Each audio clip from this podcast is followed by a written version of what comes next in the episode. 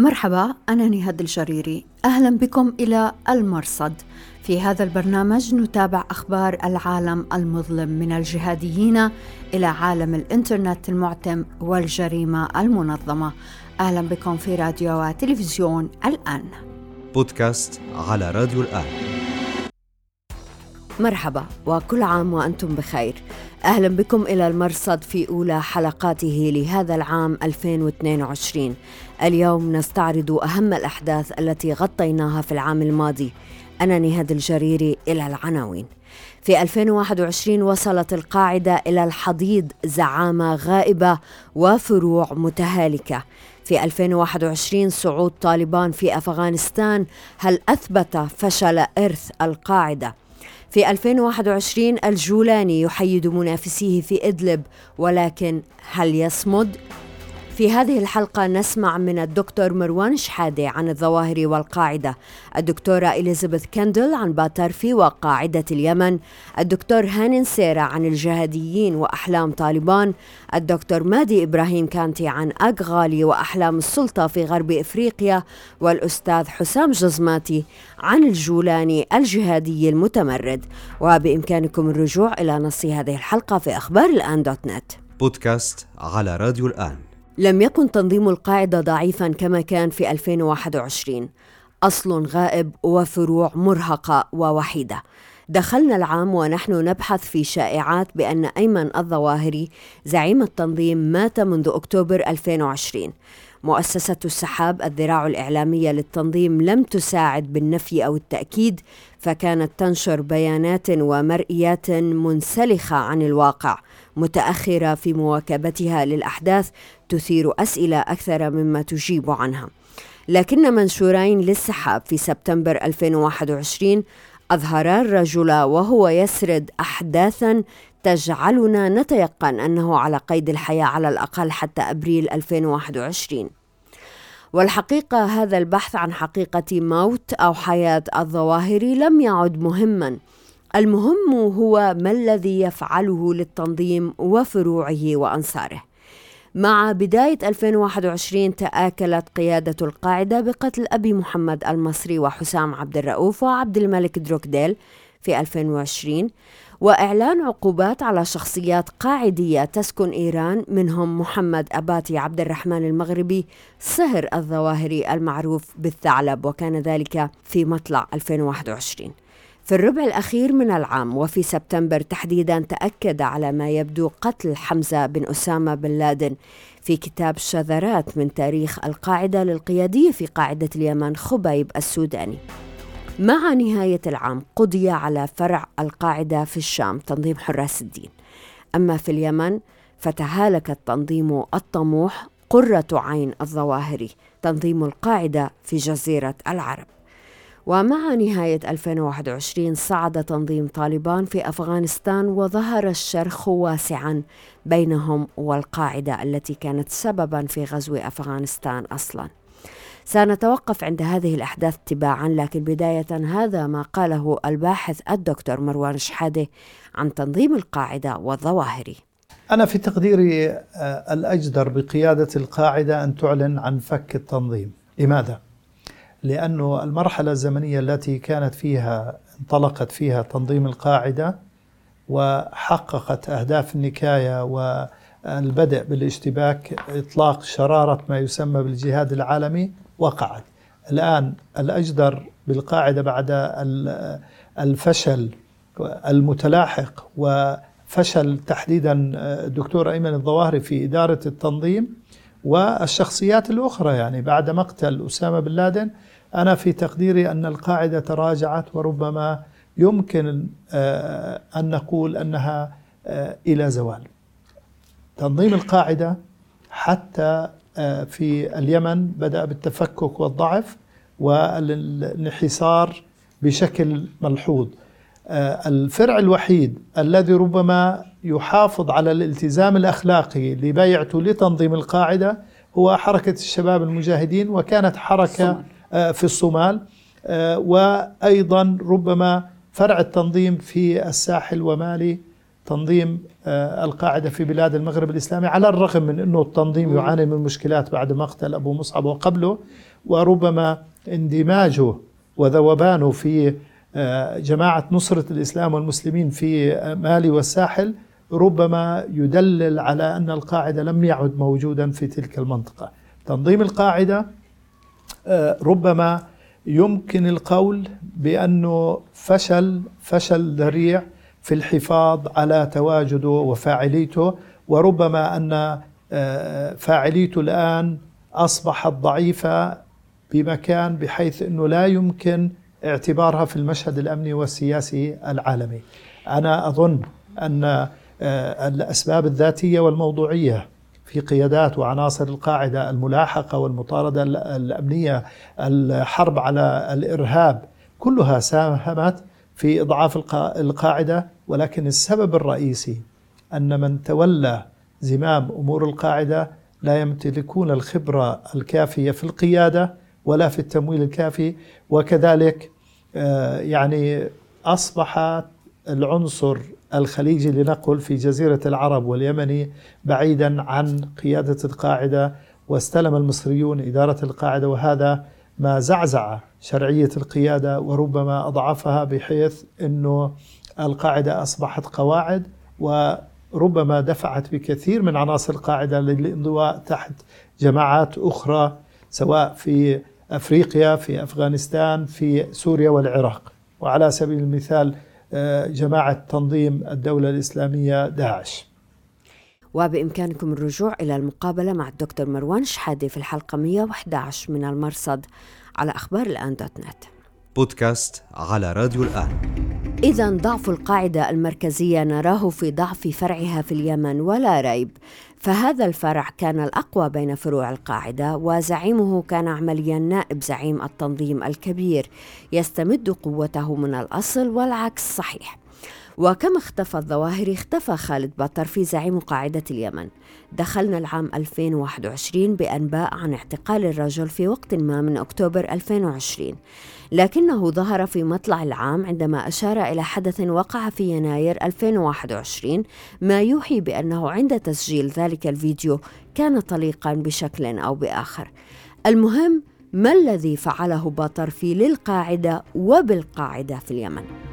في سبتمبر 2021 أعلن عن أن التنظيم هزم في الصومعة آخر معاقلهم في محافظة البيضاء وأن الحوثيين تولوا المنطقة حتى بلا قتال. وبدأ انحسار القتال واضحا في الهجمات التي تبناها التنظيم فكانت تمضي أشهر ولا يتبنى التنظيم سوى هجمتين أو ثلاث. رافق هذا تعدد الولاءات داخل التنظيم فهم تارة يعملون مع القوات الحكومية وأخرى مع الحوثيين بحسب شهادات من الأرض.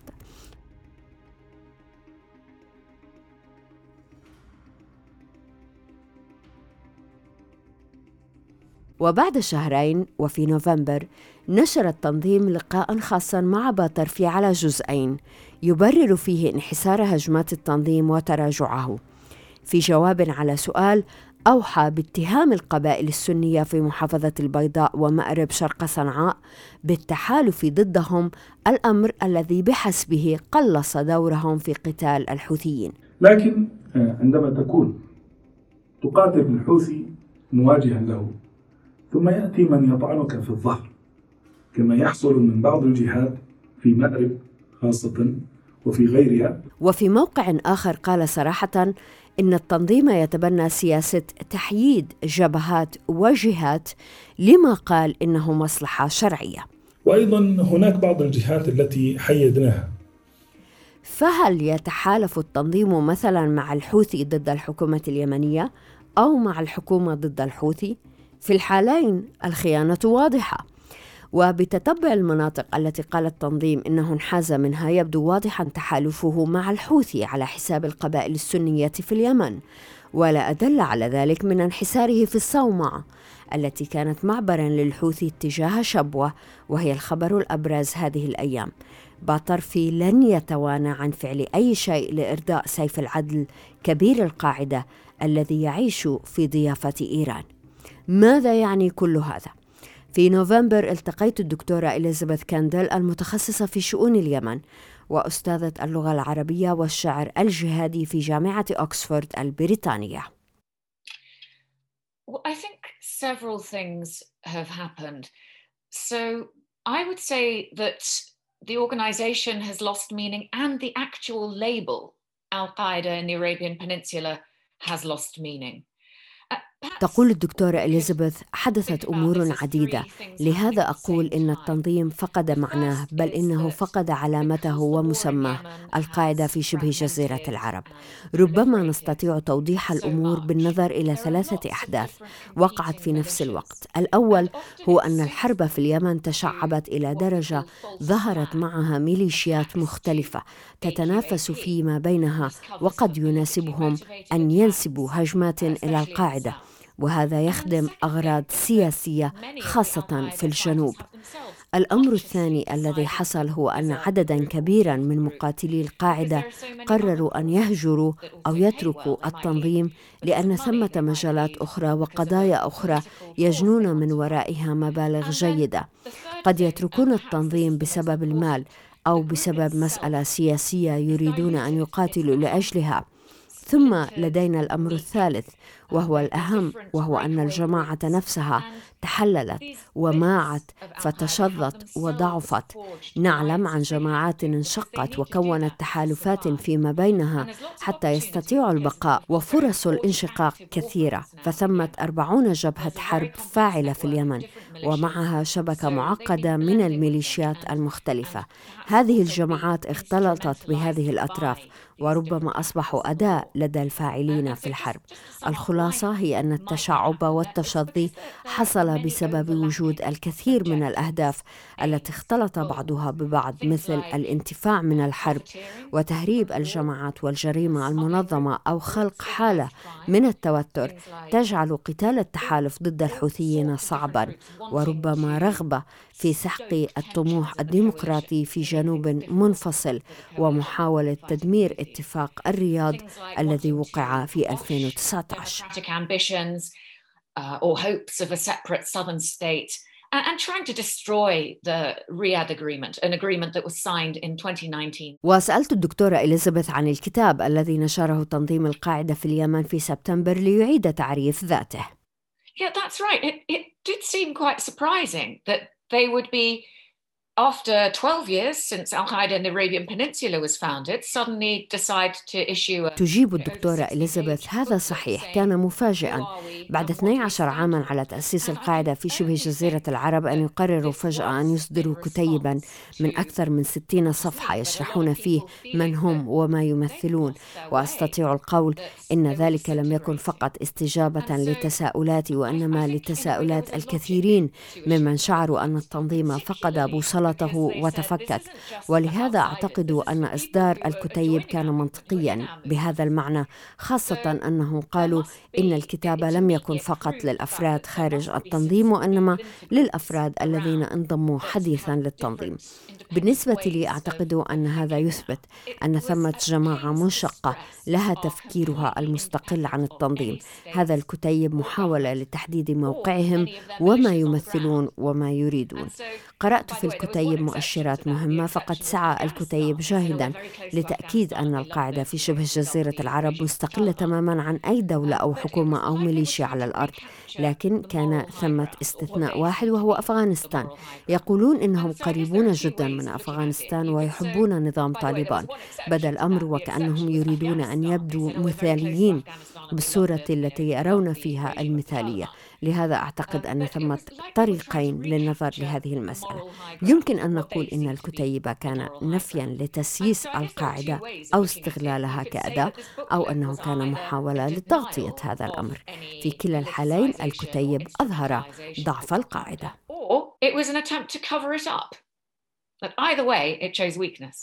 وبإمكانكم الرجوع إلى مقابلة الدكتورة كندل في الحلقة 114 من المرصد على أخبار الآن دوت نت. بودكاست على راديو الآن. إذا القاعدة عجز عن حماية أنصارها. في إدلب أحكم الجولاني زعيم هيئة تحرير الشام القضاء على تنظيم حراس الدين ممثل الظواهر هناك. في سبتمبر انتشر على التليجرام بيان نسب إلى أبي همام الشامي زعيم حراس الدين المختفي. يجدد فيه دعوة الهيئة إلى الاحتكام الشرعي عند أبي قتادة الفلسطيني تحديدا بهدف تحرير المعتقلين من الحراس وفض هذا النزاع. الهيئة رفضت الاحتكام وجددت اتهامها الحراس بمظاهرة العداء فيما واصلت سجن كبار مسؤولي الحراس وأهمهم أبو عبد الرحمن المكي السعودي عضو مجلس شورى الحراس الذي حكم بالسجن خمسة أعوام في مارس 2021 بودكاست على راديو الآن. إذا صعد تنظيم طالبان في أفغانستان وعاد إلى الحكم. في 15 أغسطس دخل مقاتلو التنظيم العاصمة كابول دون قتال. الجهاديون لا يزالون يبتهجون بما حققه طالبان ويعتبرونه نصرا لهم خاصة أولئك من أتباع القاعدة. ولكن هل هو كذلك فعلا؟ سرعان ما برز الخلاف بين طالبان والقاعدة. فمن بنود الاتفاق مع أمريكا المبرم في فبراير 2020 والذي أفضى إلى صعود طالبان هذا هو أن تقطع طالبان علاقتها مع القاعدة وألا تسمح لهم بالعمل من أو في أفغانستان. بل إن طالبان تنفي أنها معقودة ببيعة من القاعدة كما أخبرنا الناطق باسم التنظيم محمد نعيم في هذه المقابلة التي سجلتها معه في يوليو الماضي عندما كنت في كابول. والشيء الثاني ما تفضلت بان هناك البيعة أظن الأمور السابقه يعني. ما الفائدة من إثارة هذه الموضوعات القديمة الجديدة التي قد ما عفى عليها الزمن؟ الان نحن نريدها من جديد نثيرها؟ ما علاقة من من له في لمن يريد يثير مثل هذه الموضوعات؟ أظن هذه الموضوعات التي كان حتى الآن أنا لا أعرف. هذه ما تفضلت بان هناك بيعة وانها تتجدد. أنا حتى الآن لا أعرف. أين تتجدد تجددت ومن جددها؟ حتى الآن أنا لا أعرف إذا كان عندكم معلومات حول هذا الموضوع أو أحد له علاقة في مثل هذه الموضوعات أو له علاقة بهؤلاء فإذا يتفضل. أما مجرد الكلام فأظن هذه مجرد آه، إيجاد المشاكل في الإعلام وخاصة الآن هم يعرفون بأن أفغانستان فيها إن شاء الله سيأتي هناك أمن وأمان. فالذين يريدون أن تكون هناك مشاكل أكثر وأكثر للأسف تثار مثل هذه الموضوعات. الأهم من هذا هو سلوك طالبان اتجاه الأمم المتحدة ومطالبتها بمقعد أفغانستان في المنظمة الدولية. الظواهري وكبار منظري القاعدة مثل المقدسي يكفرون الانضمام إلى الأمم المتحدة وطالبان يصرون على مخاطبة العالم من خلال المنظمة الدولية. ثم تأتي مسألة علاقة طالبان بالعالم ودول إشكالية بالنسبة للجهاديين مثل روسيا التي تساند النظام السوري في الشام والصين التي تقمع الإيغور المسلمين في شنشان. طالبان ماضية غير آبهة بترهات القاعدة. فهل صعود طالبان في أفغانستان هو حقيقة انتصار للتيار الجهادي؟ في ديسمبر التقيت بالدكتور هانن سيرا الباحث في الجماعات الإسلامية المسلحة. يعني هو علينا اولا أن نفهم أن الجهاديين يطلبون ود طلبان ويلتمسون السبب والربط بها هم يبحثون عن أمل يبحثون عن بشرى يبحثون عن تفاؤل لكن طالبان منذ أن صعدت وتمكنت في كابول هي تنفي إمكانية أن تعود لتلك التي كانت في عام 96 حين سيطرت على كابول وقندهار وسيطرت على كامل أفغانستان. طالبان هي نسخة جديدة مختلفة عن طالبان الأولى. فضلا عن أن طالبان مختلفة يعني ايديولوجيا عن مختلف الحركات الجهادية التي تتمسك بها وتتمسح بها الآن. طالبان ليست سلفية جهادية. طالبان ليست جهادية معولمه يعني مش بتحارب العالم هي هي جهادية قطرية وسلفية ديوبندية مختلفة عن عن عن حالة القاعده حتى يعني في تصوراتها في مرجعياتها لكن موجود وتأكد وتمكن. وطالبان عادت إلى الحكم حين أدركت أخطاء. طالبان تعهدت للولايات المتحدة باتفاق يناير تعهدت. للصين في أبريل الماضي تعهدت لكل دول الجوار لدول الاشيان إنها لن تكون طلبان التي تؤوي الجهاديين لن تكون طلبان التي أوت بن لادن والظواهري وهؤلاء مرة سابقة. وسقطت بسبب ذلك. طلبان تدرك أنها إن عادت إلى نفس الأسلوب ستسقط. لكن الجهاديين والإسلاميين عموما بعد سقوط تجاربهم في الشرق الأوسط وفي دول مختلفة وبعد سقوط إمارات إماراتهم أو بعض إماراتهم في الشام والعراق. يعني هي هم يبحثون عن أمل يبحثون عن تفاؤل. انتصار طلبان أو أو عودة طلبان أنا أراه انتصار لمبدأ الاستعداد للسياسة. طلبان تفاوضت قبل أن تحكم طلبان تتفاوض بعد أن حكمت. طلبان تقدم تطمينات للجميع للداخل والخارج. حتى يعني أرسلت تطمينات للشيعة الهزارة. طلبان تطرح نفسها في نسخة جديدة تقول فيها إنها تلك التي ستواجه داعش طلبان وده مفهوم لأن طلبان حركة جهادية قطرية وسلفية ديوبندية ذات طابع اجتماعي متشدد على المستوى الاجتماعي لكن ليس متشددا على المستوى السياسي. يمكن أن يتمرن. وبإمكانكم الرجوع إلى هذه المقابلة مع الدكتور انسيرا في الحلقة رقم 120 من المرصد على أخبار الآن دوت نت. بودكاست على راديو الآن. بعد قتل أبي مصعب دروكدال زعيم تنظيم القاعدة في المغرب الإسلامي استحكم إياد أغالي زعيم تحالف نصرة الإسلام والمسلمين الموالي نظريا للقاعدة. استحكم بالجماعات الجهادية الخارجة عن إطار داعش في غرب إفريقيا والساحل. وصل إياد أغالي إلى نفوذ صارت معه الحكومة المالية ميالة إلى إجراء مفاوضات سلام معه. هذه المفاوضات ليست جديدة. الحكومة المالية بعثت إشارات مماثلة مطلع 2020 تزامنا مع اتفاق الدوحة بين أمريكا وطالبان. وقبل إياد أغالي تلك التلميحات. وفي أكتوبر 2021 تضاربت الأنباء حول نية الحكومة المالية فتح حوار جدي مع إياد أغالي. المهم في هذا كله هو أن الحكومة إن قررت المضي قدما في هذه المفاوضات فسيكون حصرا مع الجهاديين الماليين. ماذا يعني هذا بالنسبة للارتباط بالقاعدة وإرث أسامة بن لادن المتعلق بالجهاد العالمي؟ في أكتوبر الماضي التقيت مع الدكتور مادي إبراهيم كانتي أستاذ العلوم السياسية في جامعة باماكو وسألته عن الهوية المحلية لجماعة أغالي. آه، داخل مالي حكومة عندها سياسة تقول نحن نتفاوض مع الماليين وليس يعني ولا, نتفاوض مع الإرهابيين لأن هم اعتبروا أن أحمد كوفا ويد غالي هم يعني من العناصر المتمردة وأخذوا إيديولوجية إسلامية. داخل مالي آه، وليس أنهم هم اعتبار المالي الحكومة المالية أنهم إرهابيين الدوليين في على مستوى العالم. لأنه كأنه حاليا في حكومة مالي ترى أن يد وأحمد كوفا ماليين نتفاوض معهم ولا نتفاوض مع الإرهاب الدولي. وبالتالي سألت الدكتور كانتي إن كان سيفاجأ إن أعلن اغالي فك الارتباط مع القاعدة. ابدا لا اكون لا أكون مفاجئ بهذا بهذا الشكل. لماذا؟ لأنه أمادو كوفا أصلا إياد غالي أصلا في هذا النهج يعني قال نحن نستطيع أن نتفاوض مع مع حكومة مالي لأنه نحن ما ما نريده. فقط بعض بعض الأشياء متعلقة بالإسلام. وأمادو كوفا أو إياد غالي لم يقل ولا مرة نتفاوض مع بوركينا ولا نتفاوض مع النيجر لأن هم يعرفون أن النيجر لو تحدثوا عن النيجر وبوركينا يكون تحت مظلة الإرهاب الدولي. في هذه الحالة خرجوا من ال من ال الأرض المالي وبإمكانكم الرجوع إلى هذه المقابلة في الحلقة 113 من المرصد على أخبار الآن دوت نت. بودكاست على راديو الآن. في إدلب تمكن الجولاني زعيم هيئة تحرير الشام من تحييد المستقلين ومعارضيه بعد الانقضاض على حراس الدين بدءا من يونيو 2020 توجه إلى كبرى كتل المقاتلين الأجانب المستقلين جند الشام بزعامة مسلم الشيشاني الذي يحظى باحترام بين المهاجرين. في أكتوبر 2021 تمكنت الهيئة من طرد مجاميع المهاجرين من جبل التركمان بين إدلب واللاذقية وهو منطقة استراتيجية كانت مقرا للشيشاني وغيره من الجماعات المستقلة.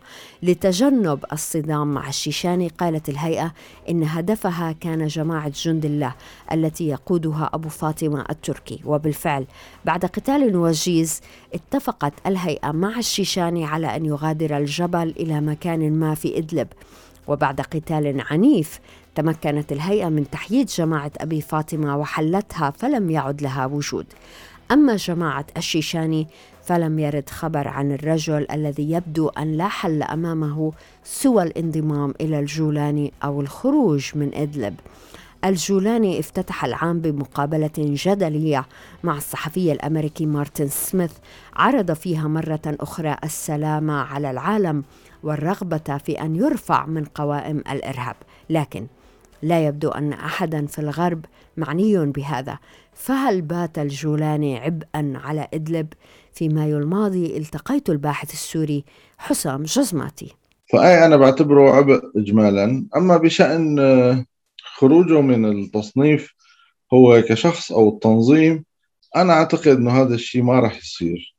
آه، في بعض الناس اللي عم تقترح هذا الشيء آه، طبعا هو رغبة عند الجولاني. في بعض الباحثين أو الإعلاميين أو كذا عم بيقولوا إنه طيب درسوا إمكانية آه، هذا الشيء بالنظر إلى إنه خلص هذا الرجل أمر واقع في هذه المنطقة وعلى رأس هدول السكان سواء شاء منهم البعض أو أبى الكثيرين أو آه، الحقيقة هذا التيار بدون مبالغة يعني هو تيار صغير ضمن آه، آه، عدد أكبر من الباحثين والمراقبين ولا يلقى يعني هذه الآراء لا لا تلقى صدى جدي عند صانعي القرار.